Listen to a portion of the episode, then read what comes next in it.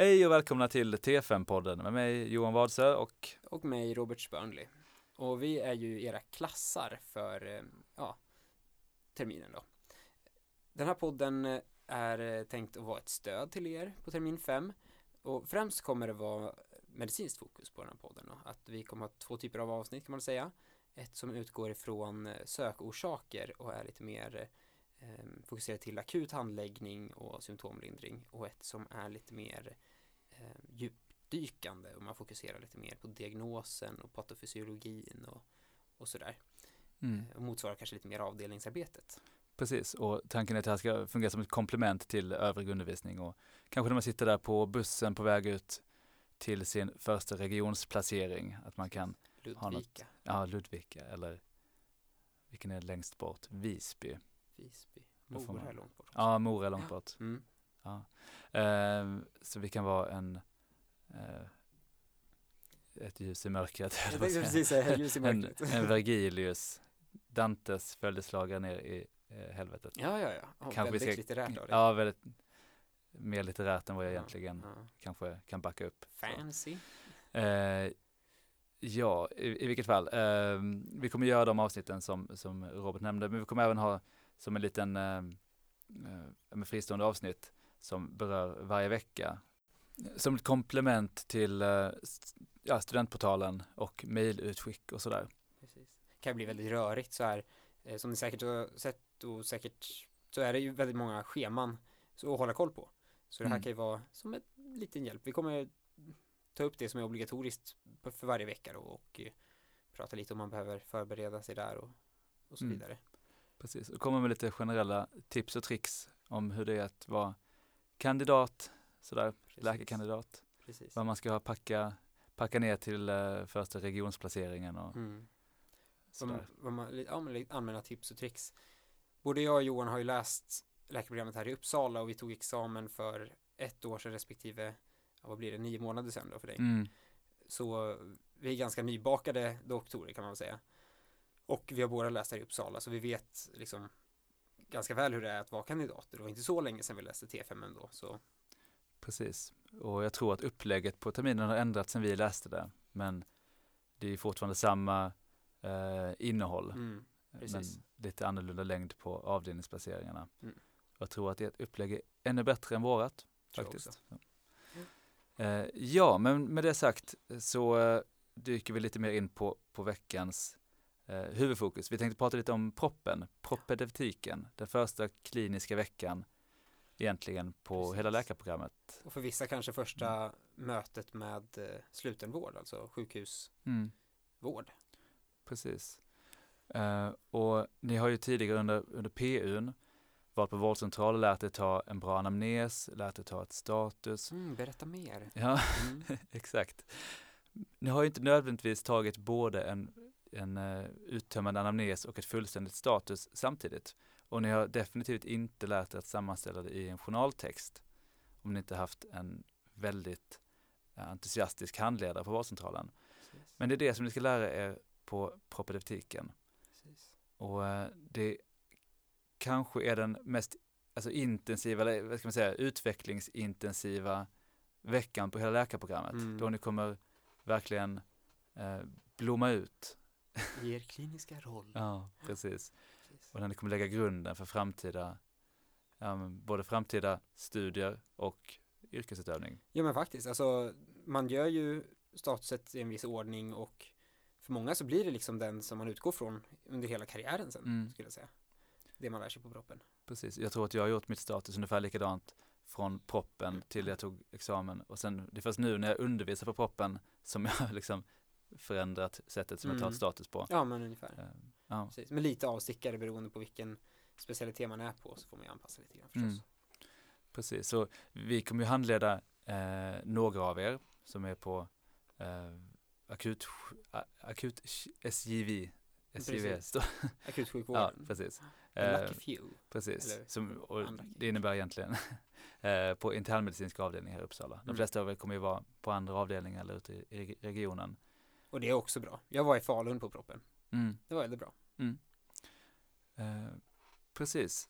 Så, så det vi säger om veckans upplägg kan ju komma att variera för alla. Vi kommer inte säga, ja på tisdag gör ni det här, onsdag gör ni det här, för alla kommer ha olika upplägg. Mm. Men generellt så kan man ju säga att man, ja men som jag nämnde, man ska öva på att ta en ordentlig anamnes, ta ett fullständigt internmedicinskt status. Mm. Och framförallt då att sammanställa det här i en journaltext, diktera. Jag vet inte om ni någonsin har håll, hållit i en diktafon förut. Kanske några har gjort det på sin eh, vårdcentral. Ja, Det är, en, det är en speciell grej det här med att diktera och det tar lång tid i början. Så förbered dig på att det, ja, kan mitt första diktat tagit kanske två timmar att skriva. mm. Jag vet inte hur det var för dig. Ja något sånt. säkert, säkert. Ja, så det tar lång tid i början men man utvecklas väldigt snabbt och det går väldigt mycket snabbare i slutet av veckan kan man säga. Mm. Precis, och här som med det mesta annat så är det bara att, att liksom köra. Precis. Och under den här veckan är tanken att ni ska få feedback, alltså mycket feedback, eh, helst. Mm.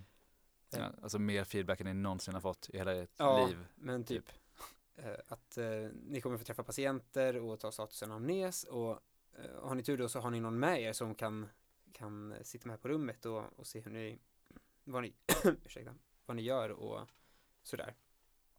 Eh, och sen ge feedback på det. Och sen eh, när ni har dikterat så kommer någon läsa det i diktatet och sen ge feedback på det. Då.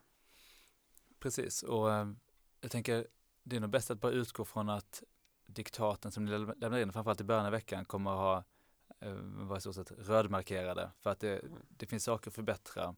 Det betyder inte att ni på något sätt har gjort liksom ett, ett dåligt jobb, bara att allting går att förbättra. Och jag vet diktater som jag skriver när jag jobbar nu, jag får dem i min signeringskorg. Mm. Och jag rättar ju mig själv hela tiden. Ja, gud ja. För att när man dikterar, det är svårt att hålla allting och sa jag det här och blir det här en bra ordning? Speciellt på så- natten. Natten är ju Mm. the worst. Mm. Eh, nej men så då, då, då får man ju rätta sig själv liksom. Precis. Och alla kan ju alltid förbättras. Så se det bara som ett, eh, ja, men ett tillfälle att utvecklas. Ja. Precis. Vi har ju inga förväntningar på att ni kan någonting av det här sen innan så det är bara liksom köra hårt och sen, eh, och sen Mm. försöka lära sig så mycket det bara går. Precis. Ja, eh, och vi, pratade lite om det här att det kanske är första gången som många, många av er är i kontakt med slutenvården. Och det är en sak som kan, kan ju upplevas som lite, lite, ja, men lite speciell. Mm. Kan vara lite jobbigt Mm. ibland att träffa människor som faktiskt är ordentligt sjuka. Mm. Eh, och det kanske är första gången om ni inte har varit, ja, men träffat sjuka patienter på en vårdcentral som ni kommer i kontakt med någon som, som har svårt att ehm, ja, men, hålla ett, ett, ett vanligt samtal, kanske är väldigt andfådd, kanske har väldigt ont, kanske är sängbunden och inte kan medverka fullt vid undersökningar. Så det är bra att man är, att man är beredd på det och ni kommer ju alltid ha en handledare med er. Ehm, Precis. Och att det om det, man, det är så att man tycker att någonting känns jobbigt och sådär, då finns det folk att prata med. Det finns ett dokument på studentportalen som heter om du mår dåligt under din placering som student, tror jag. mm, Ehm, och det kan vara bra att titta på, för där finns det lite instruktioner om vad man kan göra och vem man kan kontakta och sådär om, om man känner att det, det känns jobbigt. Mm. Precis, och det är ju inte specifikt för, för just eh, proppen, för där, tanken är ju ändå att, att era handledare ska välja ut patienter som, som är eh, så, så pigga och, och alerta som, som det går. Men eh, så kanske inte alltid Nej. blir fallet. Precis. Det blev väldigt dystert här. Ja, det var inte meningen. för det var mesta inte så meningen. är det ju väldigt kul och man lär sig otroligt mycket. Ja, Ehm, definitivt. Definitivt. Mm. Men det, det är väl bara det här att eh, på vårdcentralen så, men det brukade vara så att, att läkarna där tog in patienter som de kände lite grann, som Mm. de var lite kärnis med, som så här proffspatienter typ. Och Ja. de kunde vara ganska friska egentligen. Ja men precis. Eh, och en sak som är, som är viktig att tänka på, alltså jag vet själv hur det var när man var ny på sjukhuset och första gången man träffade någon som, ja, men som, som faktiskt var rätt ordentligt sjuk. Mm. Att man blir lite, man kan bli lite låst och lite, lite rädd och veta, inte riktigt veta hur man ska Nej. bemöta det. Men det är egentligen inte så komplicerat för att det är en människa man pratar med. Mm. Så, så länge man, man har det liksom i, alltså, ja, men ser människan snarare än diagnoserna. Ja, och inte tänker, oj nu är det någon som har svår hjärtsvikt och, eh, haft en stroke som jag pratar med. Utan, ja men här är det, ja, en människa som jag pratar med. Ja. Och Men verkligen, kommer man långt med det. verkligen. Mm. Bra. Um, angående ditt diktering då? Ja, det finns väldigt mycket skrivet på studentportalen. Mm. Eh, Ett mm, dokument som heter Tips och råd för paradjournalskrivning eller någonting i den något stilen. i den stilen, ja. Ja. Jag har ordet paradjournal i sig i alla Ja. fall. Precis, och det ligger både under propedeutiken eh, i en mapp där som heter någonting med journal och diktering. Det ligger Mm. även under avdelningsplacering, Och under akuten placering Ja. precis, i någon undermapp där. Och eh, det, alltså på, i propedeutiken-mappen så finns det även andra journalskrivningsmallar och, och sådär. Mm. Så det finns jättemycket liksom, Precis. skriftlig information. Sen så kommer ni ju också få feedback från er handledare på hur ni kan förbättra er. Precis. Och det kan vara bra att ta upp när man sitter och ska diktera i något rum någonstans. Att man, man kan ju ta upp dem och ha dem som lite guide, guidelines. Ja. När man ska diktera. Det går jättebra. Eh, Mm. och just det här, det tar lång tid i början. Men det är helt okej. Eh, jag minns första diktatet jag skrev. ehm, då, ni kanske har hört på när vårdcentralsläkare skriver ibland och så, så säger de punkt efter varje mening. Det är väldigt tydligt man ska säga. Ja, det här är Robert Spörnli som dikterar på patient Johan så här, punkt. Eh, och jag tyckte att, eh, men det är ju lite övertydligt. Det är inte det att skriva de här sekreterarna på näsan genom, att förtydliga att här ska du sätta en punkt. Det förstår man väl av talets gång. Eh, och när de hade sen skrivit ut diktatet så fick jag hela diktatet i en lång mening. Det såg eh, riktigt, riktigt gäft ut alltså. Så du gjorde du aldrig om det Nej, misstaget? sen dess har jag punkt och Mm. komma och ny Mm. rad och sånt där. Mm.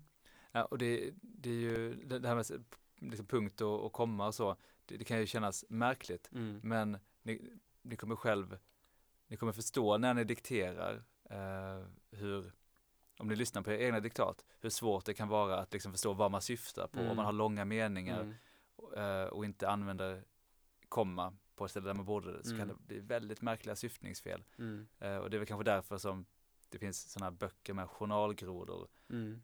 Man säger en sak som man tycker det här, det här låter väl rimligt, Mm. men när man sätter det i, i, i liksom skriftlig form så är det omöjligt att förstå vad man, vad man syftar på. Just det. Ni har ju inga Gift med ett barn och gift med ett barn ja men precis, blir ju precis, så, sånt som man hör väldigt tydligt vad man, vad man menar när man lägger betoningar på visst ställe. mm. Det försvinner ju helt i text utan Mm. liksom skiljetecken på rätt ställe. Så, så tänk lite extra på det.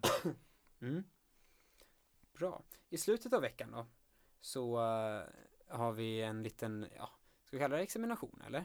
Jag tycker vi ska göra det, Ja. men Fokus är att, är utveckling. kan Ja, precis. Och det är inte en examination eh, som är tänkt att liksom skilja agnarna från vetet på Nej. något sätt eller Gud, att kugga någon. Utan det, ja, men det är väl mer strukturerad eh, bedömning och Ja. feedback-tillfälle. Precis. Mm. Eh, och då är det en sån, det, det kallas för minikex eller minikex om man kommer från Göteborg kanske. Ja, Eh, och då, då är det, det står för mini clinical evaluation eh, exam, jag vet inte vad clinical examination, mini clinical examination kanske. Ja, det. Ja, eh, nu har vi pausat och kollat upp vad det stod för. Och det stod för Mini Clinical Evaluation Exercise. Men minikex är ju det man använder då. Eh, och det här är någonting som ni kanske eh, förhoppningsvis kommer få göra varje termin från Mm. termin fem. Eh, och ma- det man bedömer då det är om anamnestagning, klinisk undersökning, kommunikation, klinisk bedömning, professionalism, organisationsförmåga och effektivitet och övergripande klinisk förmåga mm. på en femgradig skala där fem är bättre än förväntat och ett är under förväntan. Ehm, och Ja. ja. Fäst inte för mycket vikt liksom vid, vid, vid de här siffrorna Nej. egentligen. Nej. Jag menar, ni som läkarstudenter kanske är vana vid att få toppbetyg på allting. Det, det är en sak man brukar säga om läkarstudenter i alla ja, fall. Eh, men det här är liksom inte, se inte det här som en tenta eller någonting, Nej, utan ja, men, det normala här är ju att hamna kring tre. ja, Det är ju ja, men, som förväntat. precis. Och eh, det, det är klart att man, man kommer vara kanske lite bättre än förväntat på vissa områden och kanske lite sämre än förväntat. Man kanske träffar en, en patient som man inte riktigt får kontakt med eller mm, mm, eh, kanske en patient som man inte kan utföra sitt status på på det sättet som man är van vid och därför blir lite ställd. mm, Och då kanske det blir lite, ja det här var inte riktigt det flytet eh, som man kanske hade kunnat förvänta sig. Men öva på det Precis. så blir det bra. det finns även i formuläret så kan man kryssa i om det är en så här komplicerad, lätt eller svår, svårt fall. Precis. Så man får ju tänka på det också. Mm. Men eh, som sagt, fäst inte för mycket vikt på det här utan, eh, utan de flesta av er kommer ju hamna kring tre. tre Mm. liksom.